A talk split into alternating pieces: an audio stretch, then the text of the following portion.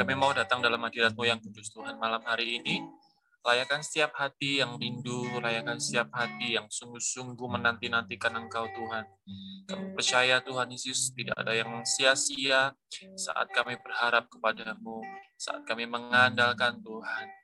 Bagaimanapun kondisi hati kami, bagaimanapun kondisi kami Tuhan, saat kami memiliki Engkau Tuhan, itu tandanya kami memiliki harapan. Kami memiliki harapan yang pasti di dalammu Tuhan. Dan kami tahu pengharapan itu tidak pernah mengecewakan setiap kami. Terima kasih Tuhan, terima kasih. Kami mau bawa hati kami Tuhan masuk dalam hadirat-Mu. Kami mau bawa hati kami, kami mau bawa setiap kerinduan kami Tuhan di bawah kaki-Mu ya Yesus. Rindu selalu bersamamu tinggal di dalam kediamanmu. Oh Tuhan sebab ku sukai hadiratmu.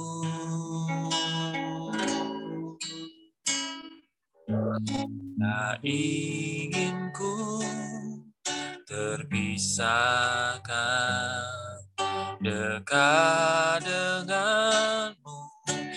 Itu yang ku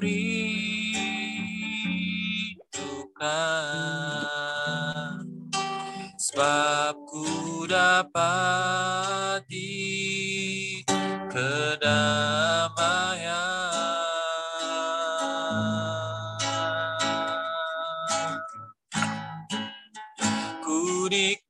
nikmati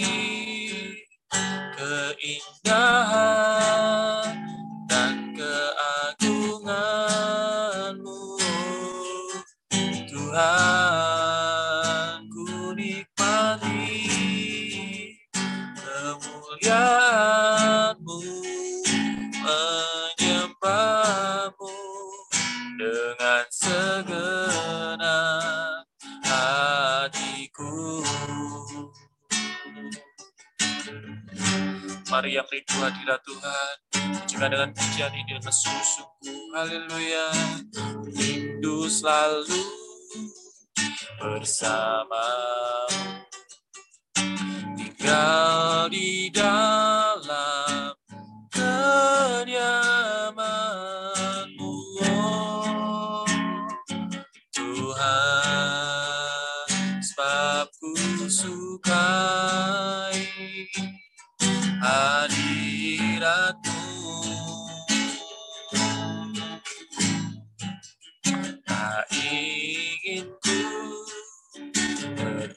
terpisahkan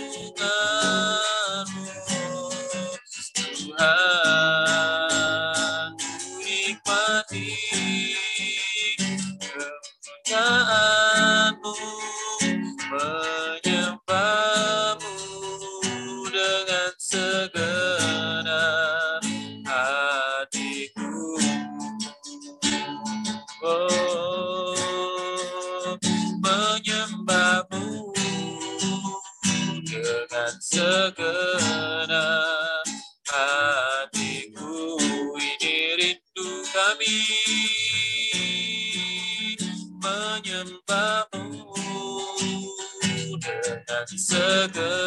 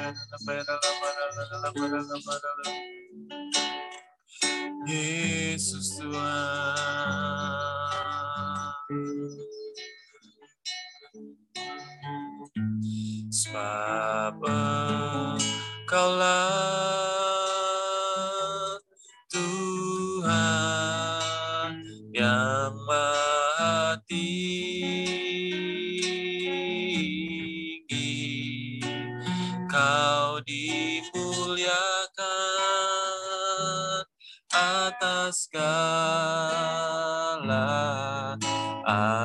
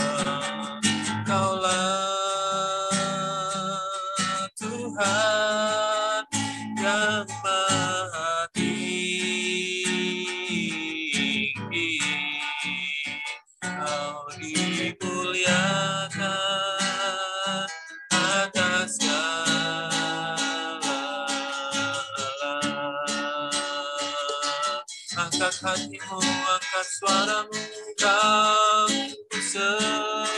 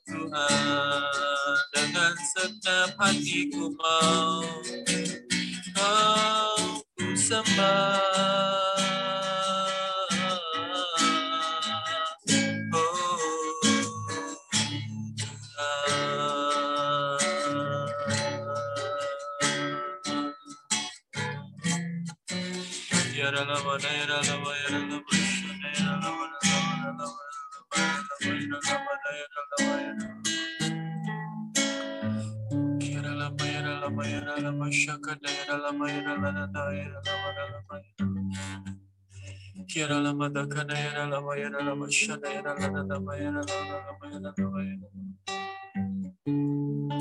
Kiara lama dakana yara lama yara lama shana yara hanya kata-kata syukur Tuhan Yesus yang kami ucapkan kepadamu Tuhan. Karena sungguh Tuhan tidak ada alasan untuk kami menggerutu tidak ada alasan Tuhan untuk kami kecewa.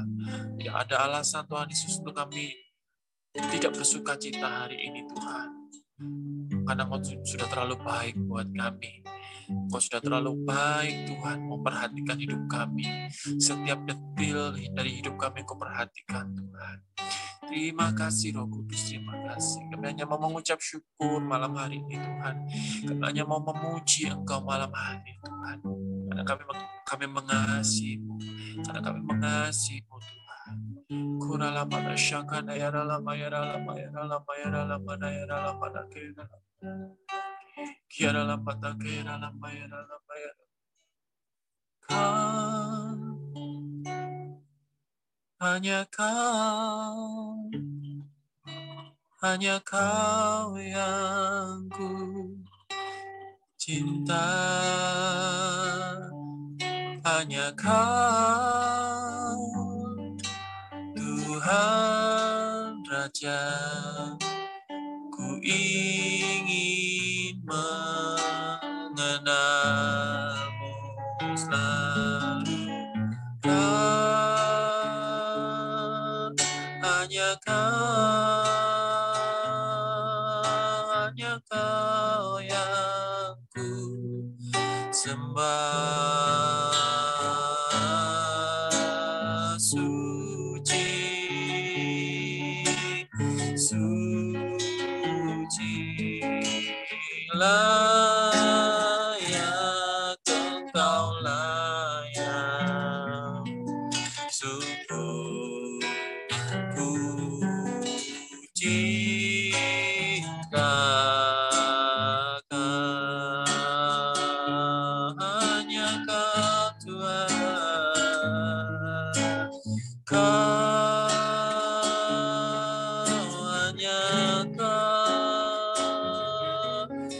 Kau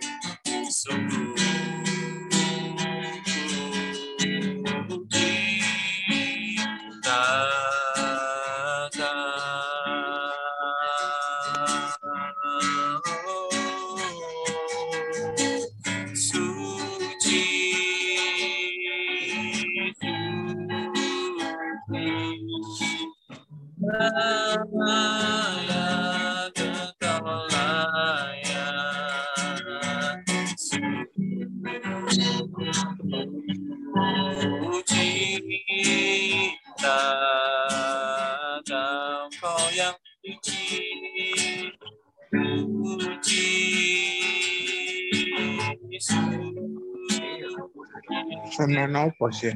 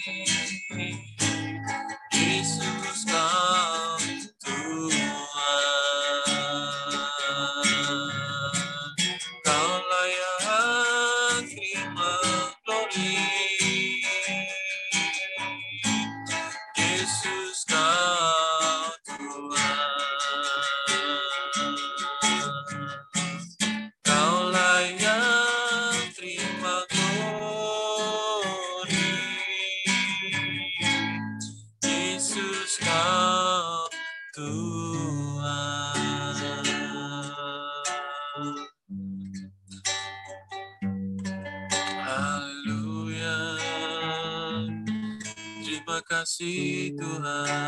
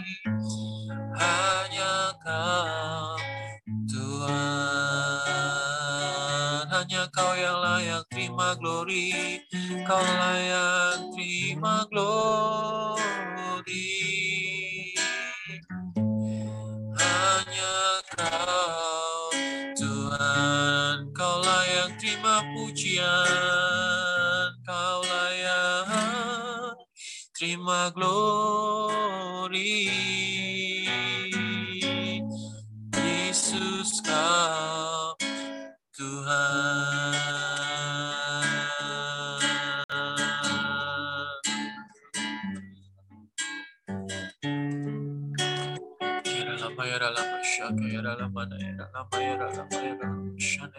ya Terima kasih Tuhan kami mengucap syukur buat malam hari ini Tuhan kalau kami boleh memuji dan menyembah Engkau Tuhan. Kami tahu Tuhan hanya dengan memuji, hanya dengan menyembah Engkau Tuhan, kami tenang, kami tinggal dalam hadirat-Mu. Di saat itulah kami memperoleh kekuatan. Di saat itulah kami memperoleh damai sejahtera.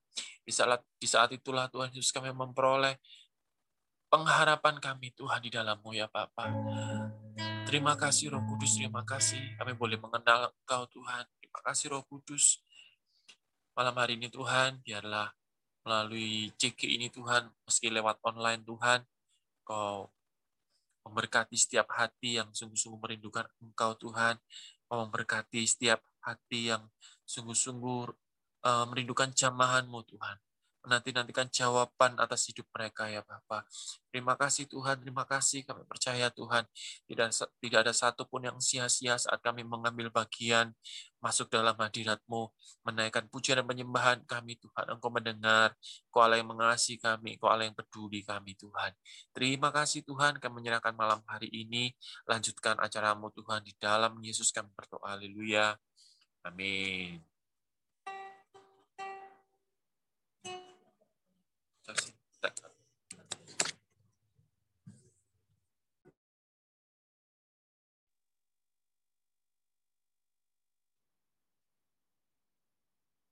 Uh, uh, Di, gimana ini lalu Bang? Ya, Cek, bisa langsung aja. Langsung ya?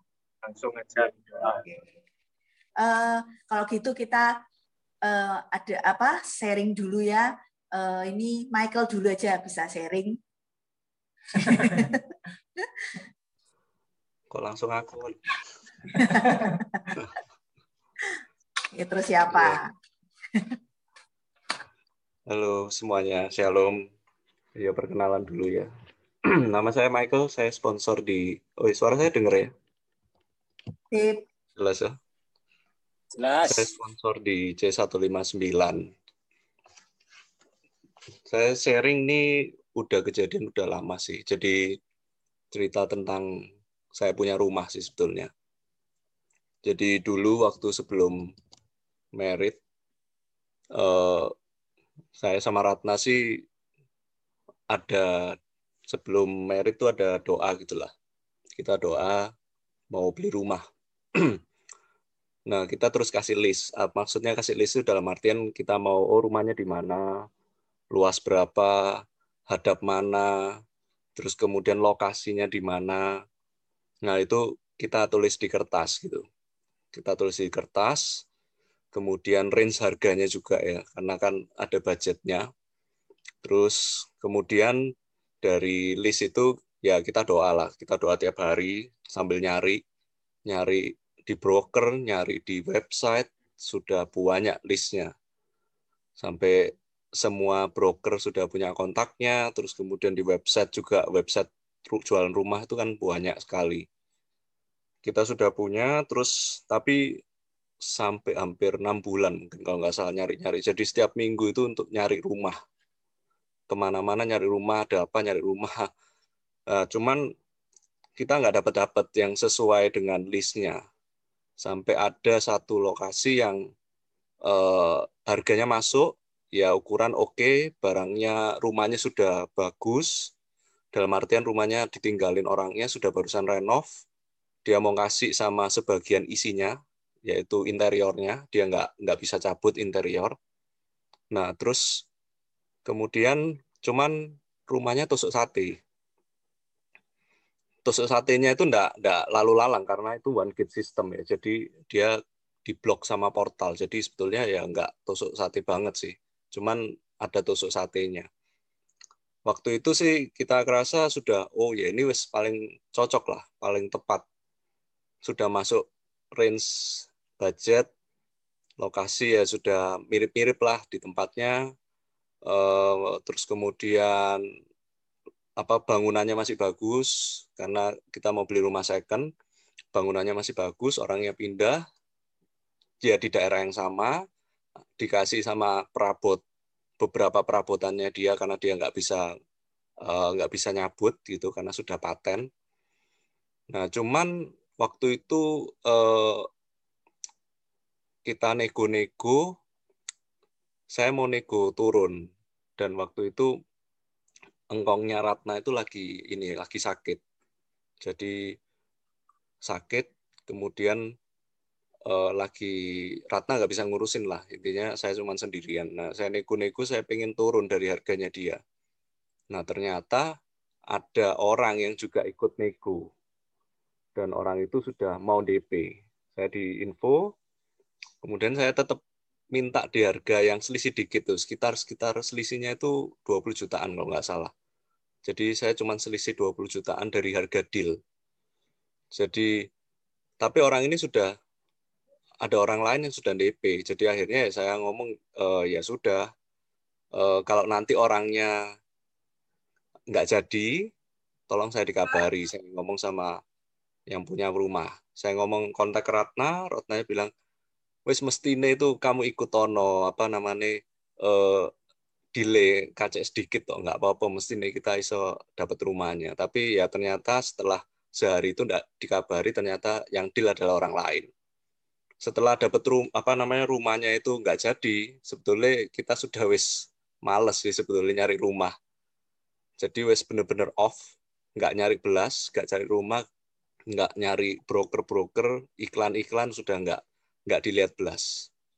Jadi sampai off hampir berapa empat empat bulanan mungkin nggak nggak anu. Nggak nggak nyari rumah belas. Intinya ya ya sudahlah nanti bisa tinggal sama mama dulu lah barengan sambil nyari-nyari. Nah pas waktu itu ada kebaktian kita kebaktian waktu itu masih pro M ya. Nah kebaktian pro M atau kebaktian yang bisnis kalau nggak salah. Nah tiba-tiba pendetanya itu ngomong nggak tahu cerita tentang apa tiba-tiba dia ngomong oh kalau nggak salah waktu itu Jeffrey Rahmat yang datang di GMS. Nah, ngomong-ngomong masalah rumah, jadi nggak tahu tentang apa, saya langsung mancepnya dia cerita rumah. Kalau pengen beli rumah, nyari aja. Lagian nyari aja itu apa namanya? Nggak bayar kok. Tanya-tanya aja nggak bayar. Nah, sejak itu aku sampai Ratna tiba-tiba langsung kayak terflashback kembali ke belakang waktu kita mau cari rumah. Kita ke flashback dengan apa yang kita tulis. Jadi waktu itu apa yang kita tulis dan kita doakan. Terus kita mau cari rumah lagi. Ya wes ini mungkin tanda bahwa kita harus nyari rumah lagi. Dan nggak selang dari situ, cuman seminggu, waktu itu mamanya Ratna sih yang tiba-tiba di jalan naik mobil, dia cuman melewati satu jalanan, dan ada iklan rumah. Iklan rumah di jalan gitu. Sebetulnya dia nggak kelihatan, tapi iklan rumah di jalan apa ya, ambengan atau mana gitu loh. Dia cuma ngeliat iklannya, dia pengen kontak orangnya. Nah, terus ditelepon lah sama mamanya Ratna. Nah, waktu ditelepon aslinya mau tanya rumah yang lain, terus ditawari rumah. Ada AI di jalan ini. Kalau mau lihat nggak apa-apa. Jadi saya sama Ratna sama mamanya Ratna lihat lokasinya. Lokasinya oke, terus kemudian dalam jangka waktu mungkin seminggu dua minggu tinggal nego-nego sama orangnya, tiba-tiba deal. Jadi kita cuman dalam waktu sekitar dua minggu atau tiga minggu mungkin. Rumah itu, rumah yang saya tempati ini sekarang itu deal. Jadi terus kemudian saya sama Ratna lihat, saya diingetin lagi. Dulu saya pernah nulis, yaitu kriteria rumah. Ya, kriteria rumahnya itu kalau terus saya ngomong sama Ratna, sebetulnya kita dapat rumah ini kriterianya persis dengan apa yang pernah kita tuliskan. Jadi dulu pernah nulisin hadap mana, hadap selatan, ukuran berapa, budget berapa, lokasi perumahannya di mana. Persis tepat dengan apa yang pernah dan saya Ratna apa Ratna dan saya pernah tulis. Jadi sebetulnya setiap setiap doa kita mungkin kelihatannya belum kejawab, tapi saat sudah ke, saat apa ya maksud saya? Ya saat saat Tuhan tuh nggak nggak nggak itu kok nggak apa namanya tidak bukan yang tidak mau tahu tidak mau mendengar setiap doa kita. Mungkin kelihatannya belum kejawab di waktunya kita. Tapi saat waktu Tuhan itu sudah ada waktu Tuhan itu datang maka apa yang pernah kita doakan janji-janji Tuhan dalam hidup kita itu pasti tergenapi. Jadi dari dari apa dari saya dapat rumah ini benar-benar penyertaan Tuhan tuh benar-benar nyata bahwa Tuhan nggak nggak meninggalkan kok. Tuhan nggak pernah diam kok. Tuhan nggak nggak pernah apa ya. Intinya doa kita bukan tidak dijawab Tuhan pasti jawab di waktu Tuhan jadi mungkin kalau kita ada yang mungkin belum tergenapi setiap janji Tuhan atau doa yang belum tergenapi, ya jangan jangan menyerah. Tetap berdoa, tetap setia. Percaya Tuhan itu adalah Bapak yang setia, Tuhan itu adalah Bapak yang uh, mengasihi kita, yang tahu waktu yang terbaik buat hidup kita. Jadi dan itu saya tulis saya saya suka nulis sebetulnya.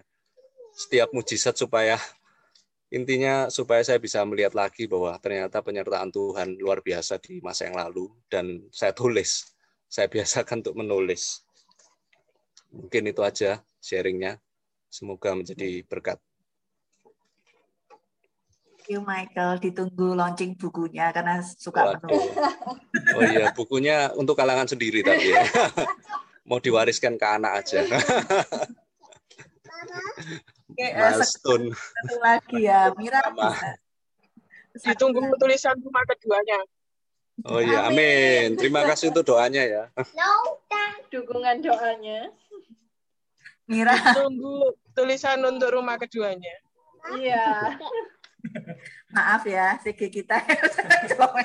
Ini Mira silakan sharing.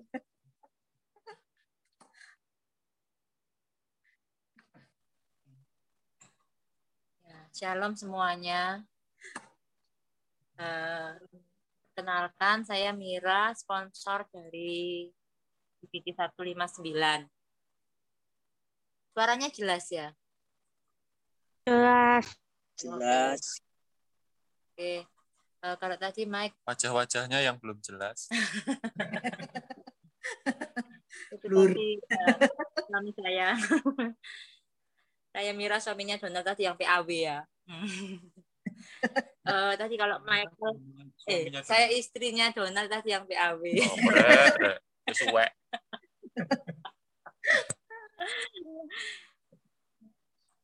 Eh, tadi kalau tadi Mike Michael kan sharing tentang rumah, maksudnya Tuhan Tuhan sediakan rumah ya buat buat Mike.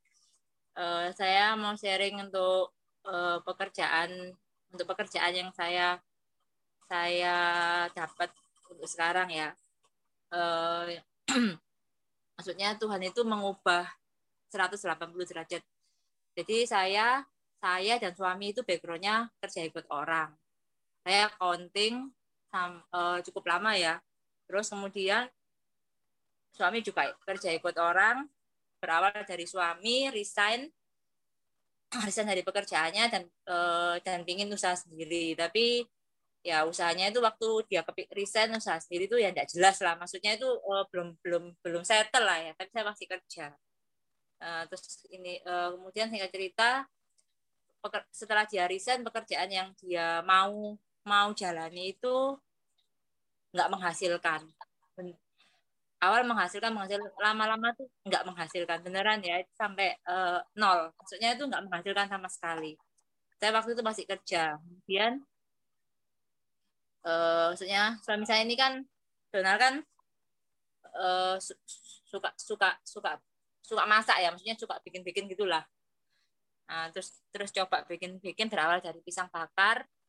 Jadi karena benar-benar kepepet ya, itu benar-benar Donald itu waktu itu benar-benar nol hasilnya. Apa enggak eh, keluar dari pekerjaan satu bulan masih lumayan, setelah itu benar-benar nol. Jadi waktu itu langsung dia apa ya dipikir gitu apa yang bisa dilakukan ya. Akhirnya dari awal yang paling dia bisa lakukan karena eh, dimulai dari dari apa yang kita punya ya dari pisang bakar ya. Itu kan bahan bakunya murah sekali. Nah, dia memang suka ya pokoknya Donald itu suka apa ya umek-umek di dapur gitulah intinya terus jalan jalan eh, ya itu jalan itu pun enggak enggak banter ya jadi ya ya maksudnya eh, secara secara keuangan secara finansial itu pincang karena kan dari sisi Donald enggak menghasilkan seperti dulu sedang eh, eh, cuma dari sisi saya tapi waktu itu masih Tuhan cukupkan Eh, berlanjutnya waktu akhirnya eh, perusahaan tempat saya bekerja itu eh, bangkrut ya. Jadi tinggal akhirnya banyak PHK, tinggal tinggal beberapa orang termasuk saya. Dan akhirnya saya itu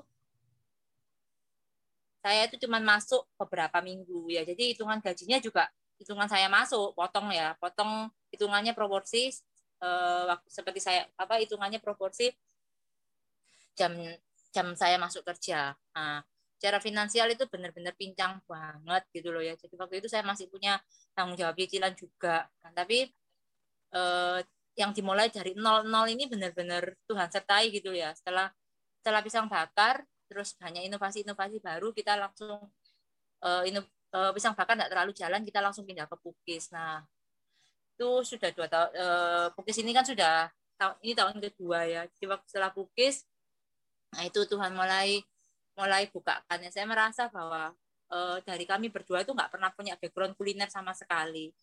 Jadi kita kita ini benar-benar mulai dari apa yang ada. Yang pertama dari apa yang ada, yang kedua itu eh, apa yang eh dari apa yang kita punya, yang kedua ya benar-benar penyertaan Tuhan gitu loh. Setelah eh, setelah pisang bakar kita kita tutup ya karena nggak berkembang kita pindah ke Bugis. Nah puji Tuhan Bugis ini eh, lumayan berkembang sampai dengan hari ini. Nah setelah itu itu benar-benar eh, ya kita nggak menyangka ya. Nah, terus di sampai saya akhirnya itu karena Bugisnya rame waktu itu ya sebelum pandemi saya akhirnya resign. Ya setelah saya di setelah beberapa PHK saya cuma masuk seminggu dua kali akhirnya saya resign.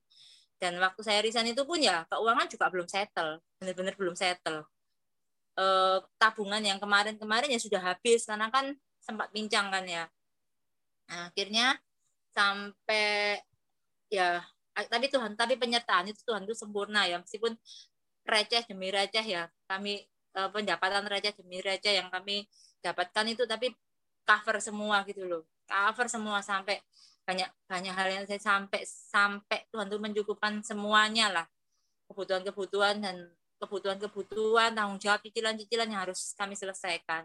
Setelah itu eh, memasuki masa pandemi ya. Nah masuki masa pandemi itu awal pandemi luar biasa. Omset turun luar biasa. Nah itu itu mulai itu kita mulai pincang lagi ya. Jadi itu mulai pincang lagi. Maksudnya gini kita belum menyelesaikan cicilan-cicilan itu belum selesai tapi pandemi sudah. Tapi waktu itu sudah masuk masa pandemi. Nah, tapi penyertaan Tuhan itu juga luar biasa. Jadi waktu pandemi itu kita itu diput saya nggak ngerti apa sampai saya itu juga nggak ngerti. Tapi e, Tuhan memberikan hikmat sama Donald itu untuk untuk buka menu baru gitu loh. Sampai akhirnya keluar enjoy brownies ya. Jadi kita kita buat kami buat uh, beberapa beberapa menu brownies brownies dan dan sejenisnya sampai cookiesnya juga. Jadi intinya uh, jadi arahnya itu memang ke macam-macam brownies. Nah, sejak brownies itu nah itu lu sejak brownies itu mulai jadi masa pendem, uh, mulai naik ya. Jadi sampai kita itu nggak merasakan maksudnya Tuhan maksudnya berkat Tuhan di masa pandemi itu benar-benar luber ya. Sampai Natal kemarin uh, mulai Natal kemarin itu kita bisa rasakan. Nah, terus berlanjut sampai dengan hari ini. Nanti intinya itu dari kalau kita aku mau flashback ya, aku tuh nggak punya apa-apa gitu loh. Sama sama sekali aku tuh cuman berawal dari nol. Terus kemam kami aku juga nggak punya backing background apa pun, kuliner apa pun ataupun jurnal tuh nggak punya. Tapi saat kita mau memulai, yang pertama itu eh, mau memulai, yang kedua itu dari apa yang ada, terus kita nggak males ya jadi benar-benar saya merintis tuh ya luar biasa ya benar-benar benar-benar ya benar-benar luar biasa pergumulannya pergumulannya sangat luar biasa pergumulannya. Nah tapi tapi Tuhan sediakan semuanya dan uh, dan saat ini puji Tuhan kami menikmati hasil yang sudah kami rintis dua tahun ya. Jadi lebaran kali lebaran ini ya puji Tuhan luber ya sampai kita nggak ada persiapan kita nggak ada persiapan pegawai sama sekali. Jadi dikerjakan berdua nggak nggak kepikir gitu sampai seperti ini gitu loh ya. Maksudnya itu nggak seperti ini nah, sampai kita melihat bahwa uh, dulu mikirnya ya kalau memang pintu pintu Tuhan itu sudah terbuka ya. Itu waktu itu ya minta dibuka pintu Tuhan sudah terbuka itu nggak nggak ada yang mustahil gitu loh. Benar-benar Tuhan tuh tunjukkan tunjukkan jalannya. Cuman memang pasti uh, prosesnya itu nggak nggak mulus ya. Maksudnya pada saat aku tuh merasakan pada saat kita nggak bisa melalui prosesnya. Kita sudah nyerah kita nggak setia kita putus asa kita nggak terima ya sudah selesai. Tapi pada saat kita mau diproses Tuhan saya saya saya ngerasa benar-benar Tuhan proses saya ya. Proses saya di di uh, di di bagian ini gitu loh. Waktu kita mau mau setia dalam prosesnya Tuhan itu pasti pasti Tuhan kasih sesuatu yang baru saya sampai ngerasa bahwa setiap hari hidup saya itu cuma bergantung sama kasih karunia Tuhan. Itu bedanya dulu waktu saya kerja ikut orang sama sekarang. Dulu eh, ya bukan berarti maksudnya kalau kerja ikut orang itu eh, tidak tidak apa namanya tidak berharap ya, tapi Tuhan proses itu memang beda buat kehidupan kami ya. Jadi benar-benar saat ini tuh cuman cuman mengandalkan Tuhan dan aku merasa bahwa kami merasa bahwa apa yang kami miliki sama sampai sekarang ini benar-benar benar-benar Tuhan yang sediakan, Tuhan yang pimpin. Itu aja ya sharing dari saya. Semoga menjadi berkat buat kita semua. Amin. Thank you, Mira. Uh, sebentar, ini adik ini langsung mulai tadi. Firman.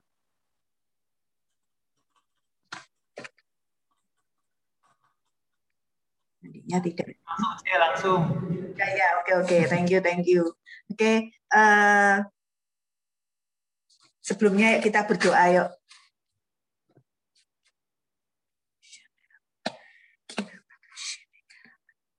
Kira pata kaya rapata kashene kara pata kaya rapata kashene kara pata kaya rampa. Purabakata makara motokara batakaya. Tuhan berbicaralah kepada kami Tuhan malam hari ini melalui roh kudusmu Tuhan setiap firman yang disampaikan Tuhan Engkau yang berbicara berbeda dari setiap pribadi lepas pribadi ya Tuhan. Biarlah hati kami menjadi tanah yang gembur bukan tanah yang berbatu-batu Tuhan setiap benih yang ditaburkan itu akan tumbuh Tuhan menjadi buah-buah roh dalam kehidupan kami sehingga kami bisa menjadi serupa dengan Engkau. Di dalam nama Yesus kami berdoa dan mengucap syukur. Haleluya. Amin. Uh, shalom ya semua. Perkenalkan, ini kita dari C159. Uh, nama saya Ima. Ini suami saya, Adrian.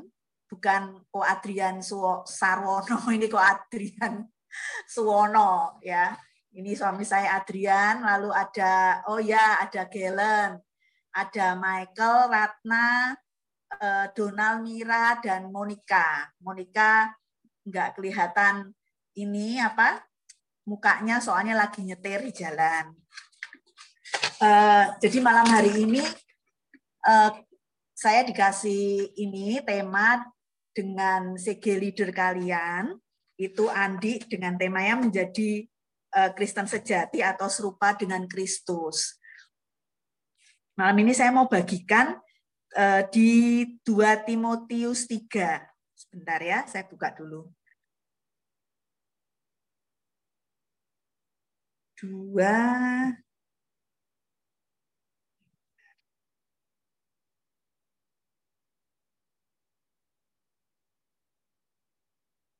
Oke.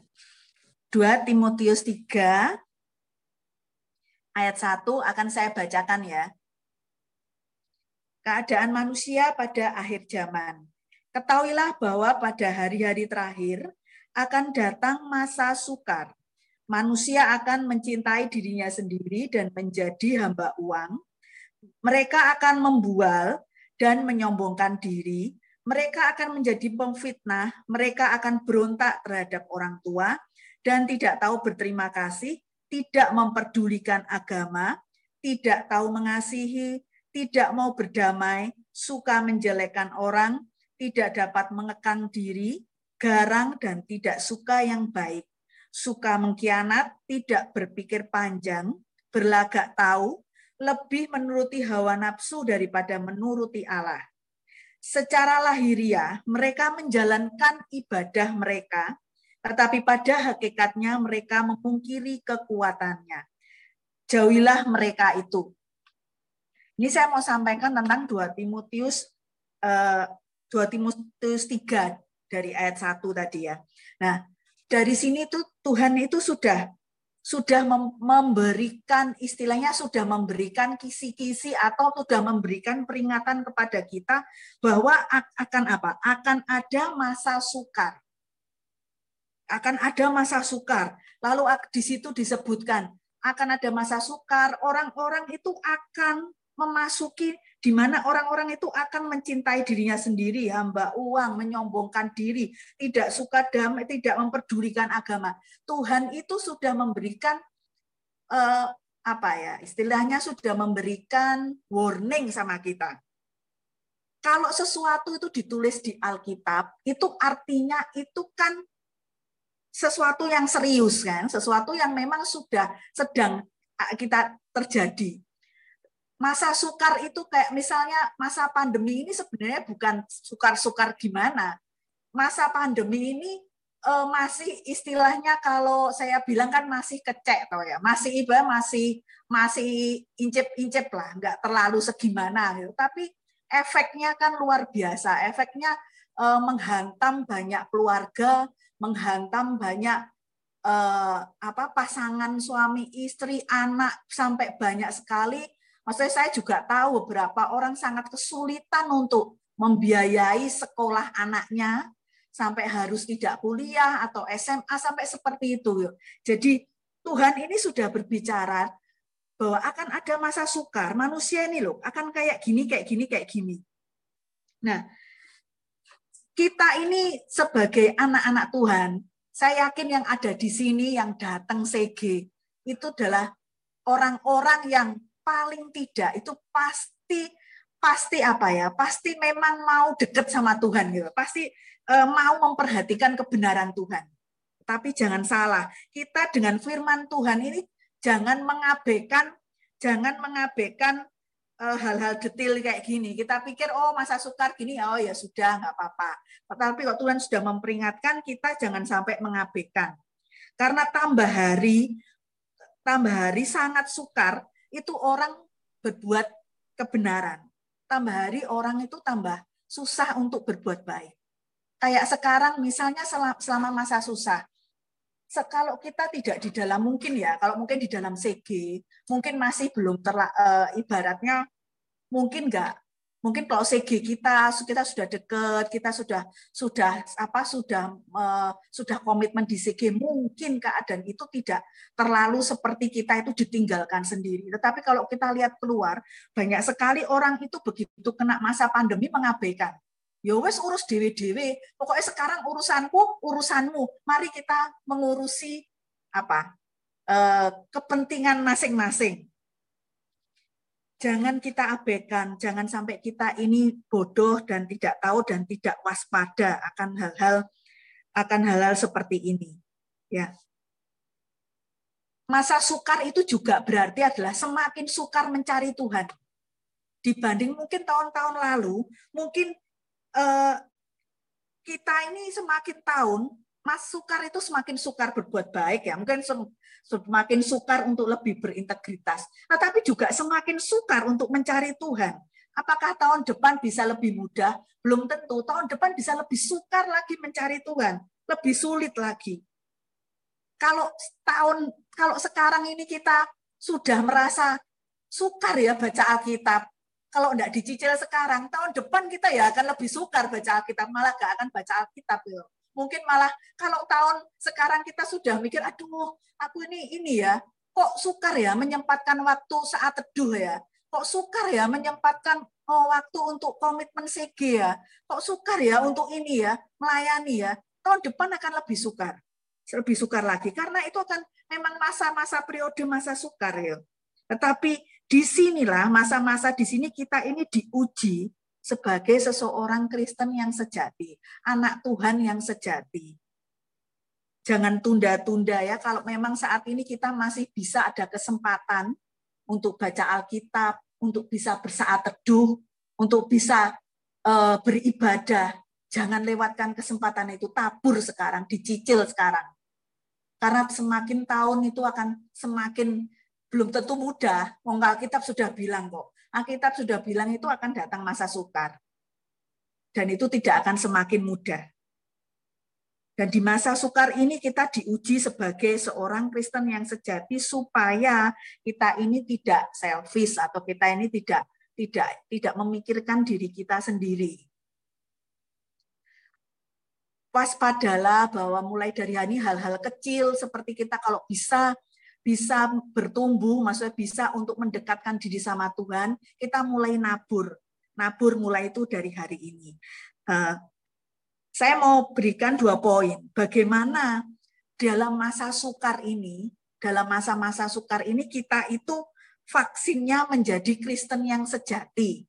Bagaimana kita bisa berjalan, berjalan dalam periode-periode ini dan ke depan. Vaksinnya itu apa? Yang pertama, kita buka ya di Matius 22. Sebentar saya buka dulu. Matius 22 ayat 37 sampai 38. Ini vaksin yang pertama. Uh, saya bacakan aja ya. Jawab Yesus kepadanya, Kasihilah Tuhan Allahmu dengan segenap hatimu dan dengan segenap jiwamu dan dengan segenap akal budimu. Itulah hukum yang terutama dan yang pertama. Kenapa Tuhan memerintahkan kita mengasihi Tuhan?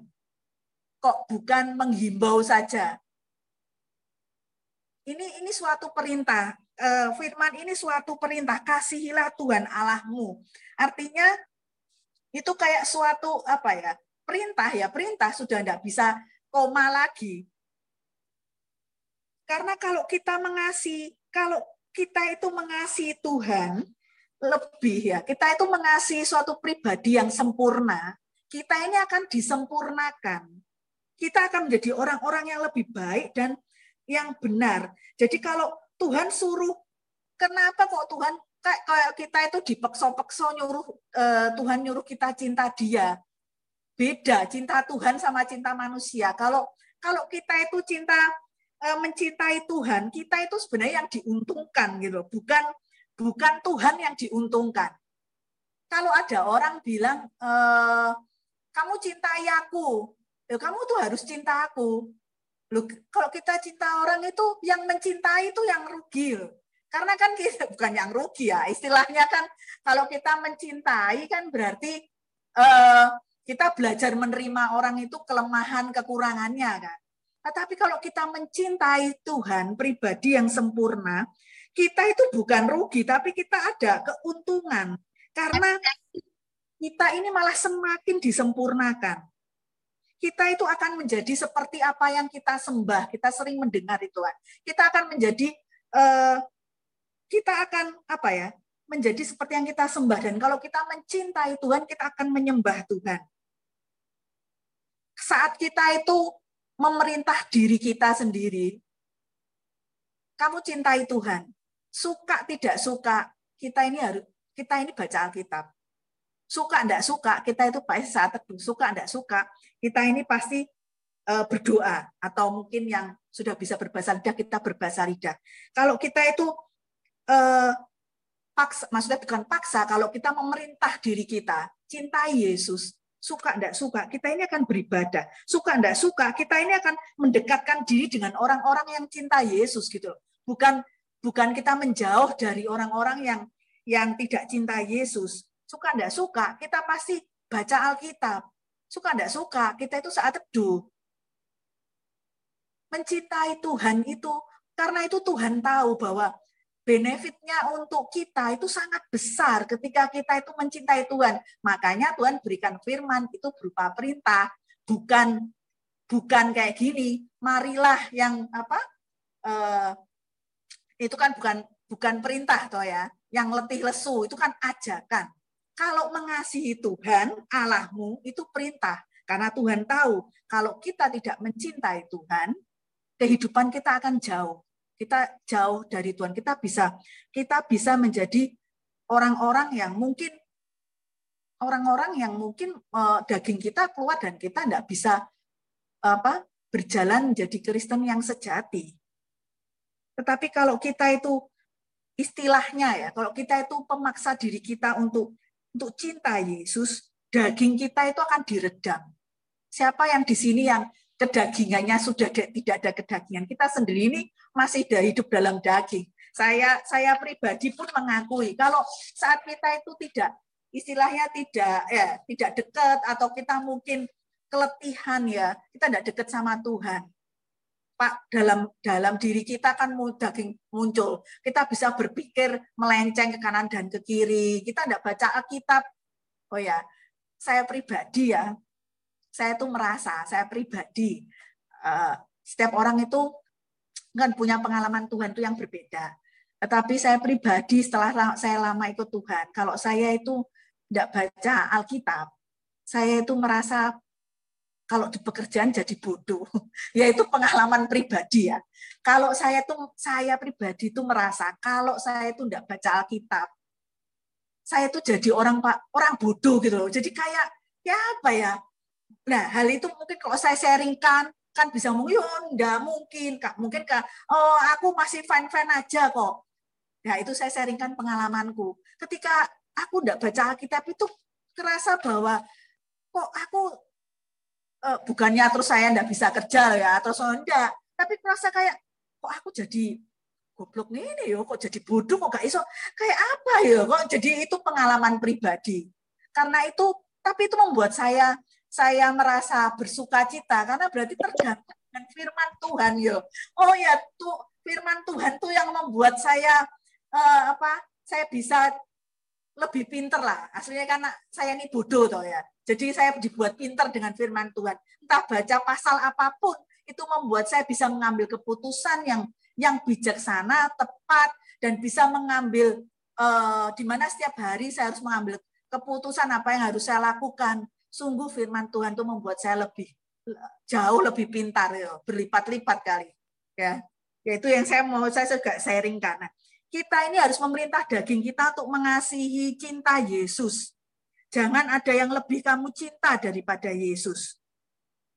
Karena kalau begitu kita tidak mencintai Yesus, tidak memperharui hati dan janji kita eh, kita setiap hari, misalnya baca firman asal-asalan, maka yang keluar dari diri diri kita ini mungkin ya ada ada apa istilahnya ya. Kalau apa monster atau mungkin keluar psycho-psychonya ya karena kita ini jauh dari Tuhan gitu. Jadi sekarang kita mengerti bahwa kenapa Tuhan itu berikan firman ini sebagai perintah. Kasihilah Tuhan Allahmu itu bukan ajakan, bukan himbauan, bukan saran, tetapi itu perintah dari Tuhan. Dan itu yang harus kita perhatikan di masa-masa periode akhir zaman, di masa-masa sukar, kita perintahkan diri kita untuk mengasihi Tuhan kadang saya itu kadang saya ya merenung. Maksudnya merenung-merenung sendiri. Kenapa sih orang kok susah ya jatuh cinta sama Tuhan?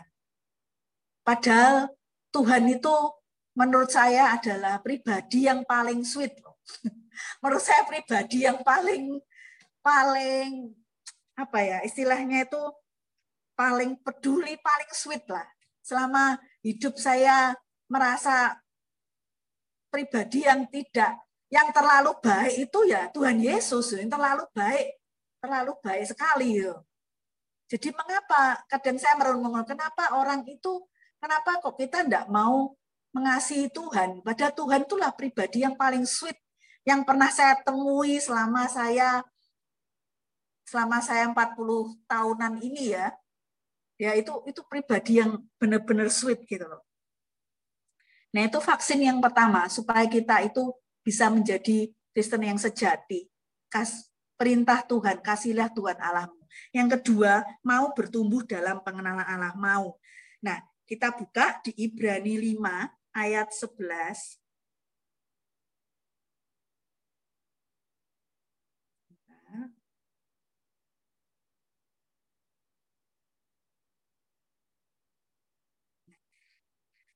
Oke, saya bacakan aja ya. Ibrani 5 ayat 11.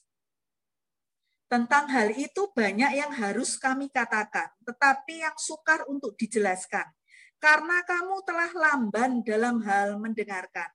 Sebab sekalipun kamu ditinjau dari sudut waktu, sudah seharusnya menjadi pengajar, kamu masih perlu lagi diajarkan asas-asas pokok dari pernyataan Allah, dan kamu masih memerlukan susu, bukan makanan keras Sebab barang siapa masih memerlukan susu, ia tidak memahami ajaran tentang kebenaran, sebab ia adalah anak kecil.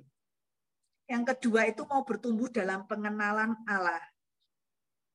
Di sini dituliskan lamban kan. Lamban itu kan artinya lambat. Ya, kayak lambat, loyo, lemah lunglai. Ya. Nah, lesu kayak istilahnya itu melempem gitu loh, melempem kayak kerupuk kena air. Nah itu ya, jadi kayak melempem gitu. Nah, kalau kita kalau kita mau bertumbuh dalam pengenalan akan Allah ya, kita tidak boleh menjadi lamban. Lamban dalam mendengarkan.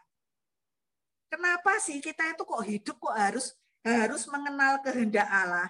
Kita ingat yang yang uh, sudah mendengarkan dari uh, Ko Adrian TL kita bahwa semua itu ada tujuannya. Semua hidup kita ini, area hidup kita itu pasti ada tujuannya. Kamu menikah ada tujuannya ya ada. Punya anak ada tujuannya ada. E, beli rumah kayak Michael kok ditempatkan di situ ada tujuannya ada. Tuhan kita bukan Tuhan yang iseng. Kalau Tuhan menempatkan kita di CG sekarang ada tujuannya ada. Kalau Tuhan e, bekerja, kita bekerja di sini ada tuh ada. Tujuannya semua itu pasti untuk memuliakan nama Tuhan, untuk tujuan ilahi tertinggi, untuk jiwa-jiwa. Kuadrian uh, firmannya seperti itu kan yang impart, uh, yang hari Selasa lalu kan. Tujuannya pasti ada tujuan Tuhan. Nah, bagaimana kita ini bisa mengenal kehendak Tuhan? Kalau kalau kita tidak mau bertumbuh, kalau kita tidak bertumbuh, mungkin kalau kita tidak belajar, bisa saja dalam hidup kita, kita salah pilih pasangan hidup. Kita bisa pilih salah pasangan hidup. Mungkin yang kita pilih bukan pasangan pasangan hidup yang uh, standarnya firman Tuhan, tapi mungkin standarnya dunia. Loh bukan berarti loh ya. Mungkin kalau kita pilih pasangan hidup, oh ya wis yang penting cantik, ganteng, baik hati, mapan.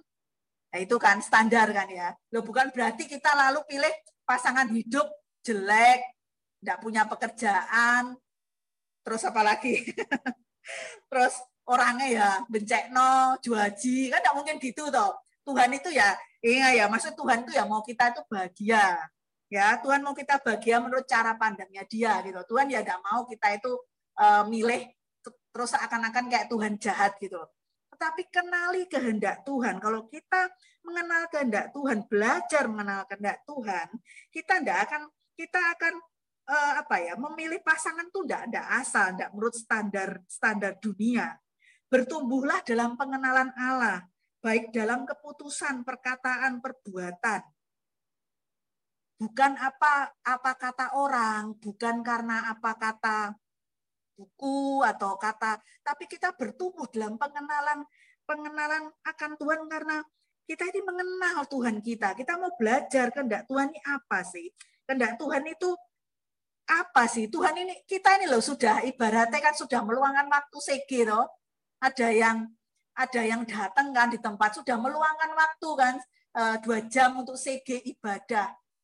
Lalu masa sampai kita itu tidak mau kenal siapa sih Tuhan sing kita sembah itu kayak apa sih kehendaknya dalam hidupku ya bertumbuh ya mau bertumbuh itu berarti juga siap dipotong dipotong itu sakit enggak ya sakit. Semua yang dipotong itu sakit. Kecuali mungkin kita potong kuku kan enggak sakit ya. Memang itu enggak sakit. Tapi kalau kita dipotong kebiasaannya hobinya lo hobi itu tidak salah kok. Lo tidak semua hobi salah. Tapi kalau hobi itu mengikatmu sampai kamu tidak bisa kenal Tuhan kalau dipotong Tuhan ya itu sakit. Tidak apa-apa ikuti aja. Ikut Tuhan itu pasti yang terbaik. Ikut Tuhan itu pasti yang terbaik lah buat hidup kita pasti yang paling enak ya jadi supaya kita dipotong tuh dikerat tuh apa supaya kita itu berbuah ya jadi kita ini dibersihkan hal-hal apa yang masih membuat kita itu terik, keterikatan sih keterikatan akan sesuatu kita dibersihkan pelan. Sebenarnya kalau dibilang uh, ada enggak Kristen sejati itu proses sampai kita nanti dipanggil Tuhan itu proses. Kalau siapa Kristen sejati? Enggak ada. Kita semua menuju ke sana. Seperti juga bilang gini, ada enggak pernikahan yang cocok? Enggak ada. Semua pernikahan itu dari yang tidak cocok dicocok-cocokkan di dalam Tuhan. Karena karena begitulah kita sudah beda apa kalau yang sudah menikah ya atau yang mungkin yang belum berpikir akan bertemu pasangan yang cocok nanti wes langsung menikah langsung cok wes semua podo pokoknya gak pernah eker lah ya gak pernah tukaran eh wes dunia kayak IG gitu ya serba indah kan ya foto-foto serba indah tidak ada tidak pernah ada pernikahan cocok yang ada itu pernikahan tuh kita berdua saling mencocok-cocokkan di dalam Tuhan. Maka dari itu, kalau tidak ada Tuhan Yesus di dalam pernikahan, di tengah mencocok-cocokkan itu bisa cerai, bisa tukaran loh, bisa bisa berbeda. Tapi kalau ada Tuhan Yesus, itu ada lemnya. Jadi kita itu mau mencocokkan diri, tidak bisa cocok ada Tuhan Yesus kan, dua-duanya kan lengket sama Tuhan Yesus. Seperti itu. Jadi Kristen sejati pun demikian. Tidak ada yang orang yang sudah Kristen sejati. Kita semua tidak ada yang sempurna di sini kan. Semua masih jatuh bangun. Tapi yang penting adalah kita mau bertumbuh. Kita mau dipotong. Kita mau dibersihkan. Sehingga kita itu berbuah. Miliki hati yang rela untuk Tuhan untuk diproses. Supaya kita itu bisa diajak naik level. Kalau memang ada yang Tuhan nggak suka, mau disingkirkan, ya sudah relakan. Ya berat sih berat tapi kan puji Tuhan, kalau lagi berat kan ada connect group kan. Kalau lagi sedih, nangis-nangis kan bisa ke CG leadernya, didoakan. Jadi kalau kita dipotong, enggak ada, enggak ada masalah. Karena itu CG eh, ini sangat penting gitu loh. Ketika kita mengalami, kita menuju ke Kristenan sejati, semua dipotong, kita butuh apa namanya komunitas yang sehat. Kita butuh pengembalaan karena kita sedang dipotong. Kita butuh orang yang support, kita butuh didoakan, kita butuh sepion kiri, sepion kanan. Kalau kita tidak ada connect group, tidak ada teman-teman rohani, kita tidak bisa melihat sepion kiri terus nabrak, sepion kanan terus nabrak. Tetapi kita butuh pemimpin, kita butuh komunitas supaya melihat ada pandangan lain kiri dan kanan. Karena itu CG itu sangat penting sampai uh, sampai kita tua nanti. Yang paling penting tuh bukan on fire saat ini loh ya, bukan on fire. Mari misalnya habis dengerin khotbah Ko Philip atau Ko Adrian on fire, enam bulan kemudian melempem lagi. Tidak seperti itu. Jadi yang paling penting itu adalah kehidupan rohani kita ini stabil dan naik sampai umur berapa? Ya sampai bisa 40, 50, 60, 80, 90 kalau puji Tuhan ada yang nanti umur 90 ya sampai dipanggil pulang itu kita bisa stabil, kita bisa naik dalam Tuhan, kita terus ada di dalam komunitas yang sehat. Jadi eh, selain hati yang rela, kita juga belajar untuk tidak istilahnya apa ya uh, sikap hati kita ke Tuhan itu sering kayak gini loh. Sudah tahu Tuhan sudah tahu. Pernah enggak kayak gitu? Kalau ini aku pernah dulu. Jadi kalau kita misalnya sedang misalnya kita ini mendengarkan firman atau apa sudah tahu aku kok.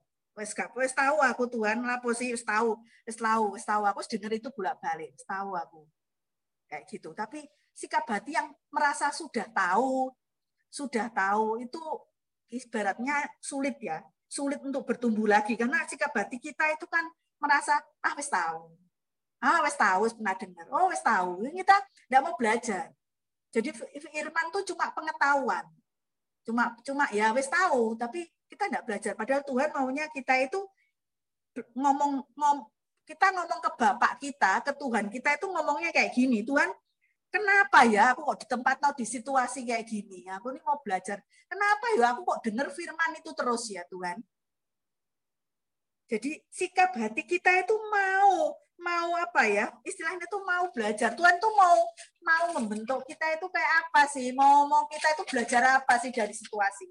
Jadi kayak Tuhan itu kita itu tidak ah wes tahu lah wes tahu pokoknya tahu pokoknya kan tahu oh, harus gitu kan harus gitu sulit untuk bertumbuh seperti itu dan eh, dan lagi kalau kita bertumbuh kita mau bertumbuh kita juga harus tertanam di suatu gereja lokal dan connect group jangan kita gereja itu jalan-jalan eh, kita tahu bahwa gereja ini mengambil suatu mengambil visinya Tuhan kalau kita gereja Mawar ini kan mengambil mengambil visinya Tuhan. Kalau kita itu gerejanya maksudnya belum komitmen. Nanti visinya kita itu ya jalan-jalan juga, bukan visi jiwa-jiwa lagi. Karena kan jalan-jalan gitu. Jadi visinya ya jalan-jalan. Tapi kita kalau mau komitmen dan uh, suatu gereja lokal bertumbuh, bertanam di sana, kita bisa bertumbuh gitu. Kita bisa bisa apa itu kalau mancep ya mancep gitu ya. Mas mancep ya bertumbuh gitu gitu loh. Jadi bukan jadi uh, bukan jadi uh, visi jalan-jalan, tapi visi kita itu visi jiwa-jiwa. Jadi itu yang saya mau sampaikan bahwa malam hari ini kita menjadi Kristen yang sejati. Kita harus komitmen sekali lagi memerintah diri kita untuk mengasihi Tuhan. Kita perintahkan diri kita untuk mengasihi Tuhan. Dan mau dibentuk, mau bertumbuh dalam segala musim hidup kita. Nikmati proses menjadi Kristen yang sejati dan kita tahu bahwa proses itu tidak akan langsung selesai seumur hidup kita kita akan melewati baru janji kita dengan Tuhan jangan lelah untuk untuk setia jangan kecewa kalau dipotong atau digesek atau dikerat eh, dengan Tuhan tapi terus setia ikut Tuhan. Ya itu malam hari ini yang mau tak sampaikan. Uh, yuk kita berdoa yuk.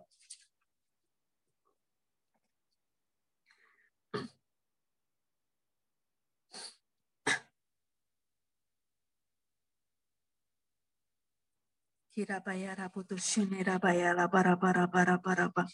Kira mata kaya la bara bara bara putus shine rabaya la bara bara bara bara bara ba. Kira bata kaya la bara putus shine rabata kaya la bara bara bara bara bara ba. Kira baya rabutu shine rabaya la bara bara bara bu shine karabaya la bara bara bara ba. Kira baya rabut shine ka Tuhan berbicara Tuhan di dalam hati kami melalui roh kudusmu Tuhan. Setiap dari kami Tuhan, Engkau yang berbicara pribadi lepas pribadi Tuhan. Pengurapan roh kudus menyertai kami semua Tuhan. Kami rindu Tuhan menjadi orang-orang, menjadi jemaat yang mengasihimu luar dalam Tuhan. Apa adanya dalam diri kami Tuhan. Kami mau Tuhan berkomitmen lagi untuk mengasihi Engkau. Mengasihi Engkau bukan mengasihi diri kami, bukan mengasihi harta benda yang Kau berikan, bukan mengasihi hal-hal yang yang sudah kau percayakan kepada kami Tuhan. Tetapi kami mau memerintah diri kami untuk mengasihi Tuhan lagi. Mengasihi Tuhan lagi. Tidak ada jalan lain Tuhan. Hanya ada satu jalan Tuhan. Ketika kami tidak mau ikut dunia ini. Ketika kami mau jadi Kristen yang sejati. Hanya ada satu jalan ya Tuhan. Kami mengasihi Engkau. Kami harus mengasihi Engkau Tuhan. Karena mengasihi Engkau bukan bukan keuntunganmu Tuhan, tetapi merupakan benefit bagi kami Tuhan. Kami disempurnakan, kami bisa melihat yang benar, kami bisa memilih apa yang baik, yang berkenan Tuhan. Mengasihi Engkau Tuhan, itu sesuatu kerinduan kami di dalam hidup kami Tuhan. Pakai kami Tuhan, pakai setiap jemaatmu Tuhan di tempat ini, agar kami tidak lelah mengikut Engkau, agar kami setia sampai masa putih rambut kami, kami akan mengasihi Engkau Tuhan. Urapi dengan iman yang baru, urapan yang baru. Dalam nama Yesus kami berdoa. Haleluya. Amin. Tak kembalikan ke Andi ya.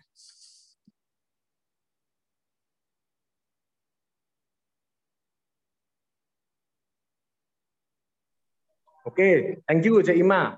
Uh, saya cuma mau nambahkan sedikit okay. uh, yang tadi disampaikan Cik Ima dan saya setuju sekali sama yang disampaikan Cik Ima kalau kita ini harus mengasihi Tuhan. Karena kita, kekuatan kita adalah dari Tuhan. Sebenarnya kalau kita tanpa Tuhan, kita ini tidak ada apa-apanya.